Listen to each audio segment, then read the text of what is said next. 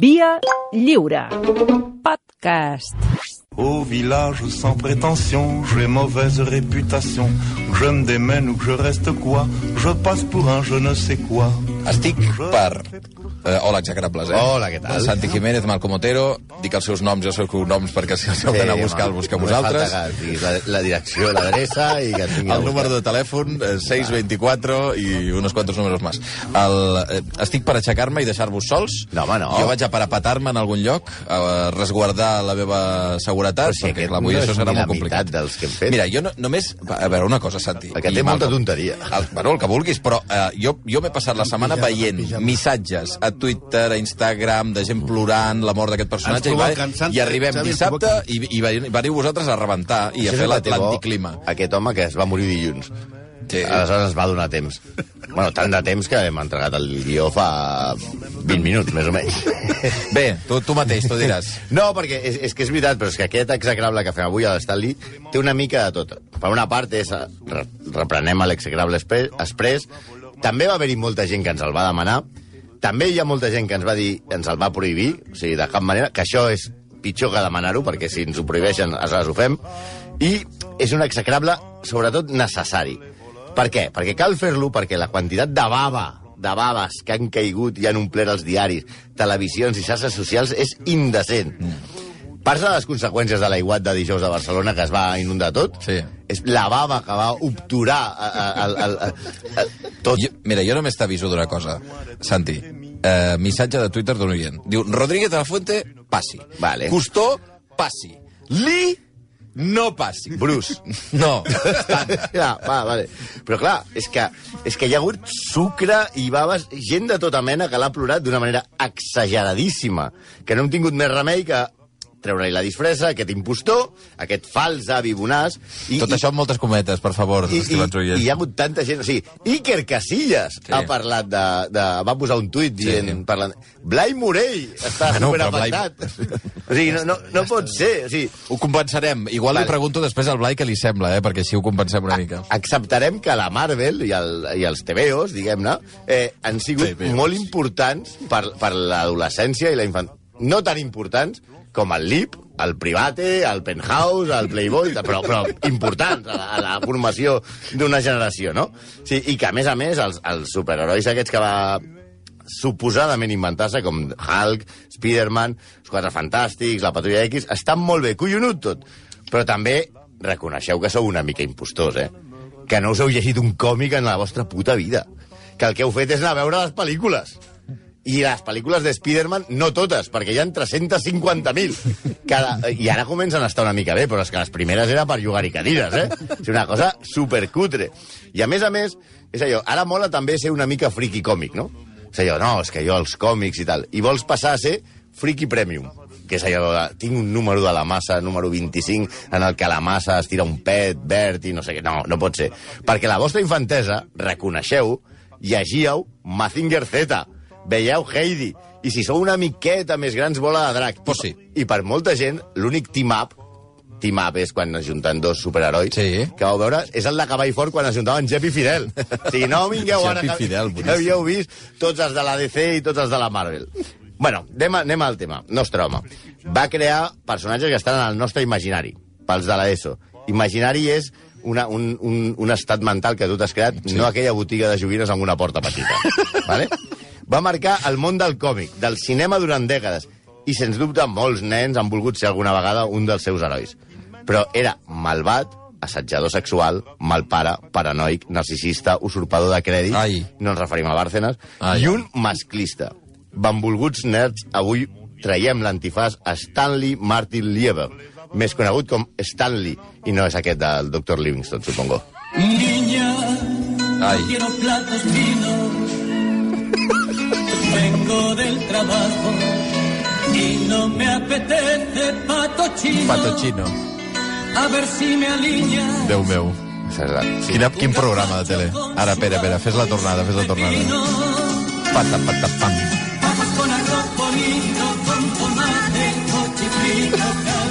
I ara ve la pregunta que faig sempre i quedo borro perquè cada setmana pregunto el mateix. Què té a veure amb Stan Lee el, el Con las tema? manos en la masa. Ah, va, va. Clar, Per claríssimament. favor. Que sembla una mica la versió soft porn de Hulk, eh? però bueno. Bueno, vinga, la, vinga. La, la veritat que jo sempre he estat més de Batman i de Superman. Però és que la massa, com el Capità Amèrica, els Venjadors o Thor, Thor, que és el precedent de Chiquito de Casada. Thor. Thor. Pau, Són producte- de la pradera. són producte una mica, una mica producte de Stan Lee. Però sobretot de Jack Kirby, el gran dibuixant. Un tipus al qual Marvel va explotar. Li van fer signar un contracte lleoní. El mateix Kirby va dir de Marvel agafaran un copyright, guardaran un dibuix, es quedaran un guió, són lladres. Aquesta és la seva política. Poden posar-se tan dignes com vulguin, poden actuar com a homes de negocis, però per a mi estan actuant com a matons. Mentrestant, Lee va guanyar un sou gegant de, Marvel i haurà fer Otoe, però Otoe milionari. Per això, però per això cal, cal entendre el mètode Marvel. Abans d'explicar-vos el mètode Marvel, com devia ser la cosa que després de la mort de Kirby, que li deien Jack the King Kirby, es veu que si això, que si dibuixes còmics de superherois, això de Lego no ho portes massa bé, la seva el vídua... rap i el còmic, sí. Sí, la seva vídua va jurar-se que viuria el temps suficient per treure-li a la Marvel tots els diners que pogués. De fet, els fills de Kirby encara estan emplets amb l'empresa per la pasta que li van tangar pels superherois que ell s'hi va dibuixar. I és que el mètode Marvel, que deia el Malcolm, és donen una idea lleu- lleugera del, del personatge principal i també del dolent. I el dibuixant crea la història. És a dir, per què no fem un tio que tingui superpoders de llangardaix, eh, pugi per les parets, es posi al sol... I el dolent com és? Uah, el dolent, el dolent entra a un equip de futbol i, i fa créixer la gespa i fa... Mourinho, Mourinho man! I aleshores ho treuen, no? Clar, en això, eh, el dibuixant es queda la història, però la veritat, tots els drets es quedava l'empresa. Lee, que, perquè, com ja han dit, res a veure amb Bruce Lee, ni amb Sara Lee, ni amb Pachu Lee, Va. es va posar Lee per, posar, per ocultar els seus orígens jueus. I ho editava i omplia, ell només editava i omplia els entrepans dels diàlegs. En una entrevista, el 1968, va dir alguns artistes, com Jack Kirby, no necessiten cap argument. Vull dir, només li dic, i si deixem que el pròxim dolent sigui Doctor Doom? O ni això. I després marxa a casa i m'ho fa. És tan bo amb les històries, estic segur que és mil vegades millor que jo. Sí, però el que et vas fer ric va ser tu, tio. Però la versió d'aquí, per la versió de Kirby, obro comentes, Stan Lee i jo mai vam col·laborar en res. Ai. Li va dir en un entrevistador al, al 89. No era possible que un home com Stan Lee proposés coses noves o coses velles. Stan Lee no era un tipus que llegia o que s'explicava històries. Si Stan Lee no era un tipus que llegia, Stan no lee. Oh! El veterà Jerry Conway va dir Stan ha obtingut massa crèdit. És un bon noi, però no és una gran persona. Però el cas de Kirby no és l'únic. Hi ha d'altres, com, com Steve Ditko, que volia ser, només faltaria, el co-creador de, de les històries. I li va dir, realment, crec que qui somnia amb la cosa, la crea.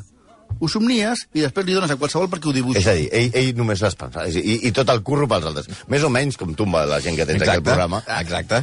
Que jo només poso la veu I ja està, i ja, ja està. ja ho fa. Tot el Tot està llegit. Ah, I, i diu, si hagués, i si hagués dibuixat de forma diferent, podria no haver tingut èxit, llavors jo hauria creat una cosa sense èxit. Sí. Vaja, que els seus contrats l'estimaven tant com, el, com la plantilla d'Embele. Mm. Entre tots tres, Ditko, Kirby i Lee, hi ha la polèmica respecte a qui va crear Spider-Man. Sí. Bé, polèmica.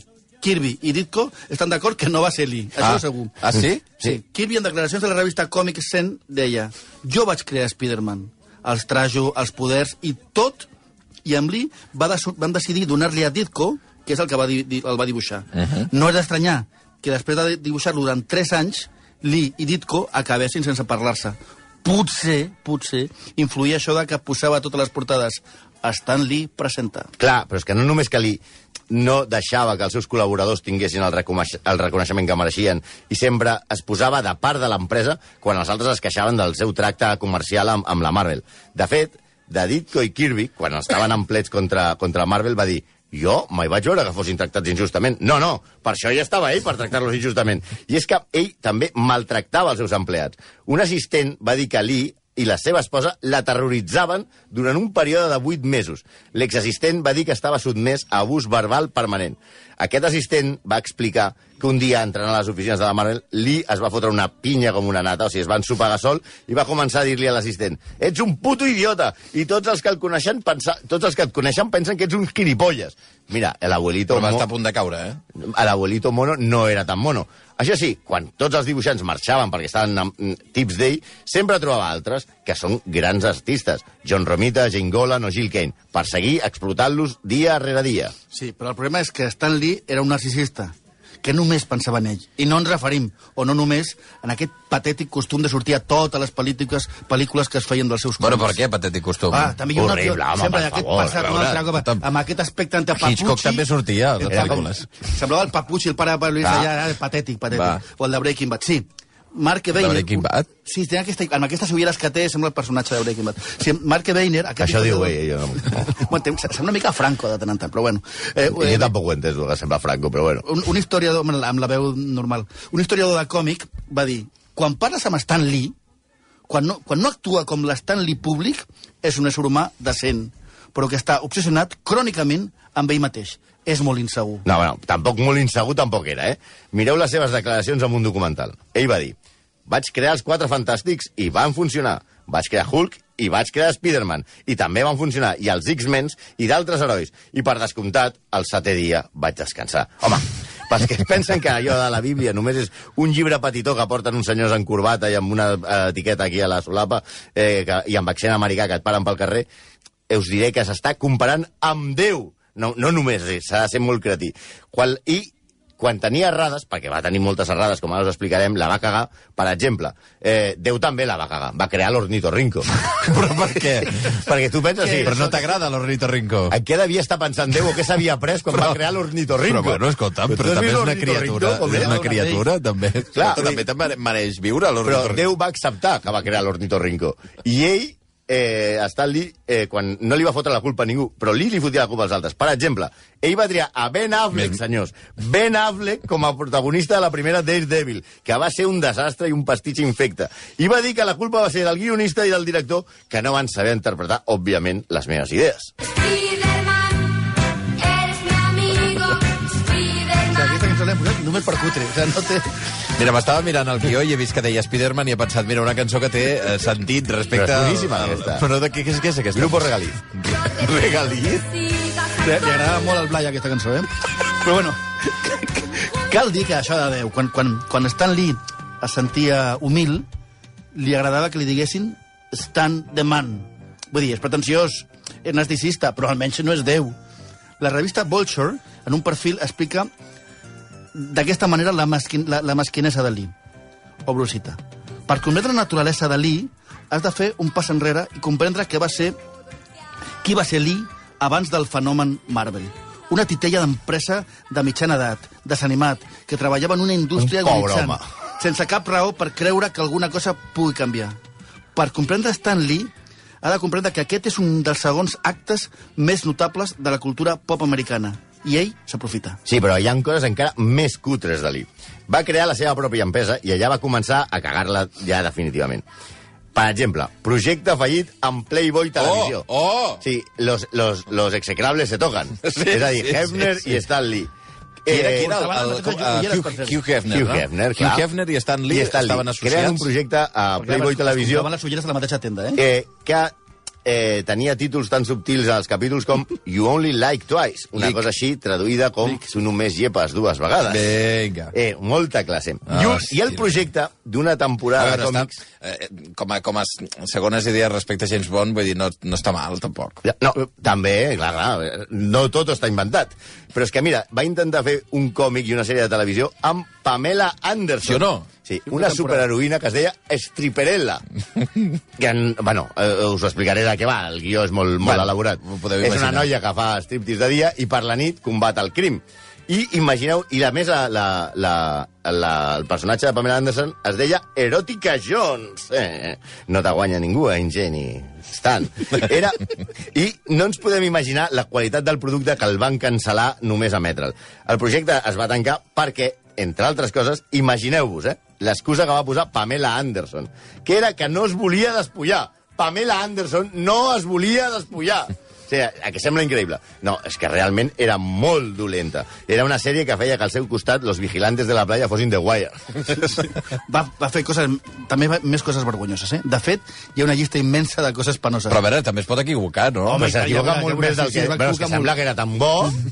Ah, No, per exemple, va col·laborar amb la NHL, la, la Lliga de Hockey Americà, Sí. i va crear un superheroi per, a, per cada equip. O sigui, cada equip, ell feia La un heroi. mascota? Sí, sí, una mena de mascota eh, heroica. Tot molt lamentable. Per a l'equip dels Florida no, Panthers... molt currada, eh? Molt currada. Alguna. Florida Panthers va crear Panther. Clar. Pels Toronto, Ah. pels Toronto Maple Leafs va crear un, un, un creuat anomenat Maple Leaf. Bueno, el president de la Lliga va declarar hem pagat per això? Vaja, com el soci del Barça amb el redisseny de l'escut, no? Ja teníem el nom, no? és que, clar, és que sense els seus companys amb talent, ell no era el mateix. També va tenir un projecte de crear un còmic que tenia com a superheroi a Ringo Starr. Oh, boníssim. això. Evidentment, imaginem que Ringo Starr no lluitaria contra les xarxes de narcotràfic, perquè seria com tirar-se pedres contra la seva Va, taula. home, per favor. També eh, va intentar obrir-se camí al mercat de la Índia i va decidir crear un superheroi a la seva mida. I va crear un nom genial, també es va trencar el cap, eh? Chakra l'invencible. I si ho fes per Catalunya, pensem, qui faria? Barretina Man? Superratafia? No sé. Altres projectes, i aquí no s'acaba, és de fer uns dibuixos animats anomenats The Governor, a major glòria de Arnold Schwarzenegger.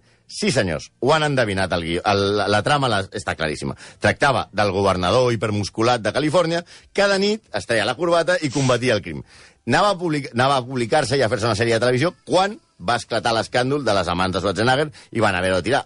També dintre de la televisió va tenir dos intervencions més. Dos shows de televisió. El primer el van emetre a la History Channel, anomenat Stan Lee Superhumans, on va pel món en companyia d'un contorsionista, que ja em diràs tu què collons... Bueno, serveix perquè només pots agafar un seient de l'avió i a l'altre el poses a la, Va, allà on guarda les maletes i ja està, no? Sisplau. Ja està. Buscant gent capaç de... Home, fotre- bé, està bé que siguis contorsionista i, i pugis a Ryanair, per exemple. Clar, home, clar, Que- evidentment, que- és que tothom hauria de tenir un amic contorsionista. I de amigues, fet, si i amigues contorsionistes. Si viatges molt a Ryanair, et, et tornes contorsionista. Clar, eh, i el programa... Eh, De què anava? De què anava, això? De que el contorsionista i Stan Lee anaven pel món Però el contorsionista... Era, era el presentador. Ell pintava, ah. Era com un presentador. I aleshores també es posava la cama per sobre, jo què sé. Aleshores, la història, vist. bàsicament, vam, eh, anàvem pel món buscant gent amb superpoders eh, dintre de la- de de l'actualitat. És a dir, un tio capaç d'aguantar descàrregues elèctriques eh, tota l'estona. Ai, ai, per un favor. tio que era capaç de treure eh, la, les sardines de l'oli bullint amb les mans. I, i, i que, tios que eren, cap, que, que eren capaços de caure de les escales i trencar, sense trencar-se el coll 18 vegades. O sigui, gent molt fric. Però és que aquest Això programa... es deia Stanley Superhumans. Sí, Aquest era, es deia- era un prejacas. Sí, Mm. era una mena de jaques. Sí. I l'altre show es deia Who Wants to be a Superhero? Que era concurs, tipus Gran Hermano, en el que una sèrie de gent molt friqui, com tots aquests que l'han plorat tant, es tancaven en una casa i havien d'inventar-se un superheroi que tenia poders. Aleshores, anava gent amb problemes reals i li intentaven ajudar. I després es nominaven segons si havien resolt el problema de la pobra xusma aquesta que anava a, a pensar que un tio en plan linterna verde amb calces per sobre podia solucionar-li la vida. O sigui, que Pe- Pepe Navarro té més nivell que Stan Lee. Home, evidentment, i a més a Va, més, mai va pensar que tenir un gran poder comporta una gran responsabilitat. Mm. Però els avars sempre són víctimes fàcils. Això li va passar amb Peter Paul. Després de deixar la Que Marvel... semblaria un heroi seu, perquè tots es deien el mateix nom. Peter, Paul and Mary. Eh, després de, de deixar la Marvel a finals dels 90, a Stan Lee se li va costar un tipus que li va ficar Lee, en un, va ficar Lee en un projecte anomenat Stan Lee Media, on Lee podia llançar qualsevol projecte que volgués sense pactar amb directius com els de la Marvel. Li va pensar que això era genial, però només hi havia un problema, un molt petit. Paul estava fent servir la marca Stan Lee per robar i estafar a un grup d'inversors. Paul va ser acusat de frau i van exonerar a Lee, però en la comunitat del còmic va quedar com un panó Lee. Ai, va. Redoble. Home! Ah, ja el tenim aquí, Benny Hill. Què li faltava? Sí, no. Què, van, què hem trobat? Que li va robar el prestigi i milions de dòlars als seus col·laboradors, maltractava els seus empleats, era capaç de fer coses vergonyoses, algunes molt masclistes, era un friqui, un narcisista patològic... No! I a més, a principis d'aquest any es va saber que el 2016 les infermeres que el cuidaven a casa seva el van acusar d'abús sexual, senyors. Lee, que ja era un vell verd, eh, com la massa, grapejava les infermeres, es despullava i els hi demanava que li fessin sexe oral. Ai, vinga. Que no era eh, que li de llegissin l'amante per de, la, de Lady Chatterley. Vinga, podem avançar.